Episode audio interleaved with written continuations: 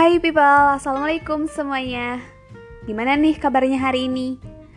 Balik lagi bareng Mia di podcastnya BKI Bersua Segudang Cerita. Pernah gak sih kalian ngerasa stres, terus sedih, terus kalian melabelkan diri sendiri? Wah aku tuh kena depresi nih Atau mungkin aku punya sering naik turun, jangan-jangan aku kena bipolar Nah, itu tuh kalian secara tidak langsung udah melakukan self diagnosis sendiri. Nah, self diagnosis ini berawal dari apa pun yang kita baca, mulai dari artikel ataupun postingan-postingan di internet gitu. Nah, self diagnosis ini kan berarti mendiagnosis mendiagnosa diri sendiri terhadap penyakit atau gangguan berdasarkan pengetahuan apa yang kita punya, apa yang kita tahu gitu. Nah, tahu kan kalau tindakan ini tuh cukup berbahaya karena postingan-postingan kayak gitu tuh nggak cuman sekedar postingan gitu nggak ada pengawasan dari ahlinya gitu. Mungkin ada beberapa artikel yang bisa kita percaya cuman kan semuanya e, di belakang itu kita nggak tahu ya.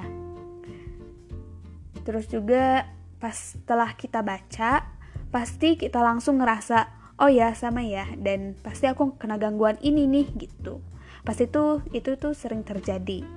Nah jadi people untuk mendiagnosa itu nggak cuma sekedar gitu doang gitu.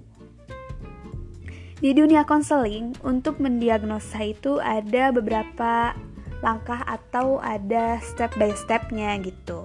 Mulai dari wawancara, observasi dan setelah proses konseling itu baru deh bisa didiagnosa hasilnya itu seperti apa. Apakah ada penanganan khusus ataupun mungkin penanganan yang seperti biasa yang wajar gitu. Jangan sampai uh, kita ngelakuin self diagnose lagi gitu. Daripada kita self diagnose cuma dari sudut pandang subjektif kita doang, mending kita datang ke ahlinya. Misalnya, pas kita ngerasain kayak gitu, kita bisa konseling online. Nah, mungkin dengan situasi ini kita berdiam di rumah gitu.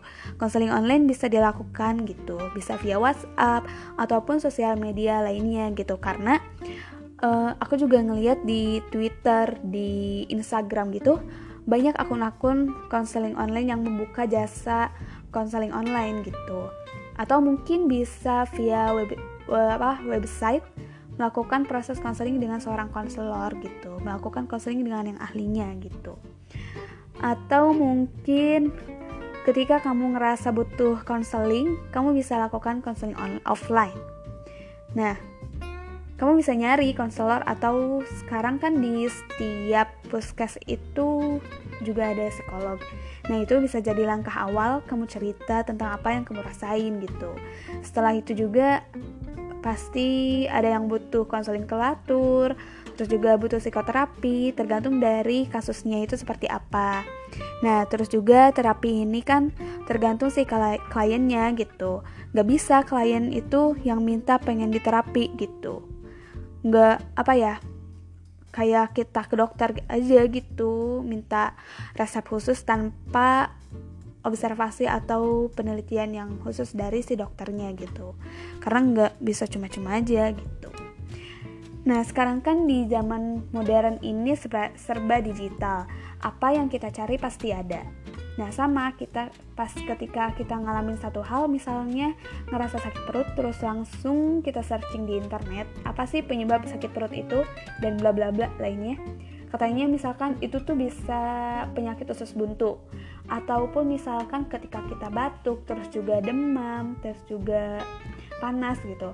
Langsung deh punya diagnosis sendiri kalau kita tuh terkena virus corona gitu misalkan Nah, ketika kamu mengalami kejadian kayak gitu, jangan sampai kamu mendiagnosanya sendiri, tapi bisa tanya ke dokter ataupun bisa tanya ke orang sekitar gitu. Dan yang paling penting, kita bisa lihat tuh uh, apa ngeganggu gak di kehidupan sehari-hari kita ataupun kalau misalkan masih wajar itu tuh belum di tahapan tahap gangguan. Kecuali kalau misalkan udah ngeganggu banget di aktivitas sehari-hari kamu terus juga ngeganggu ke orang sekitar itu bakal beda lagi gitu. Dan pastinya perlu ada penanganan khusus dari ahlinya gitu dari seorang konselor ataupun psikolog.